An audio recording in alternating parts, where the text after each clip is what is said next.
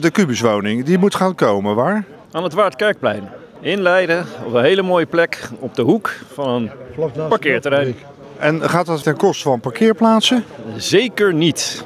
Dat denkt men eh, inderdaad, dat er twee parkeerplaatsen gaan verdwijnen, dat er bomen gaan verdwijnen, dat het een woning wordt voor eh, de zeer eh, ja, gegoede burger. Maar dat is, helemaal niet, dat is helemaal niet waar. Dat zou een woning worden voor mezelf. En een deel van de bewoners wil het niet. Indirect hebben ze het met ja, een van de, de politieke partijen hebben ze, gesproken. En die heeft het participatietraject, heel belangrijk, wat ze heel belangrijk vinden, hebben ze ja, aangehaald om via een omweg te proberen dat toch tegen te houden. En wij zijn eigenlijk helemaal niet gekend in dit verhaal. En wij willen dat heel graag toch ons woordje doen, ook eh, bij de gemeenteraad. En eh, ja, liefst ook nog eh, op korte termijn met een, een informatieavond met de buurt. Hoe groot acht je de kans dat het doorgaat? Nou ja, we staan natuurlijk wel een soort 1-0 achter doordat die motie aangenomen is door een overgrote meerderheid in de, in de gemeenteraad.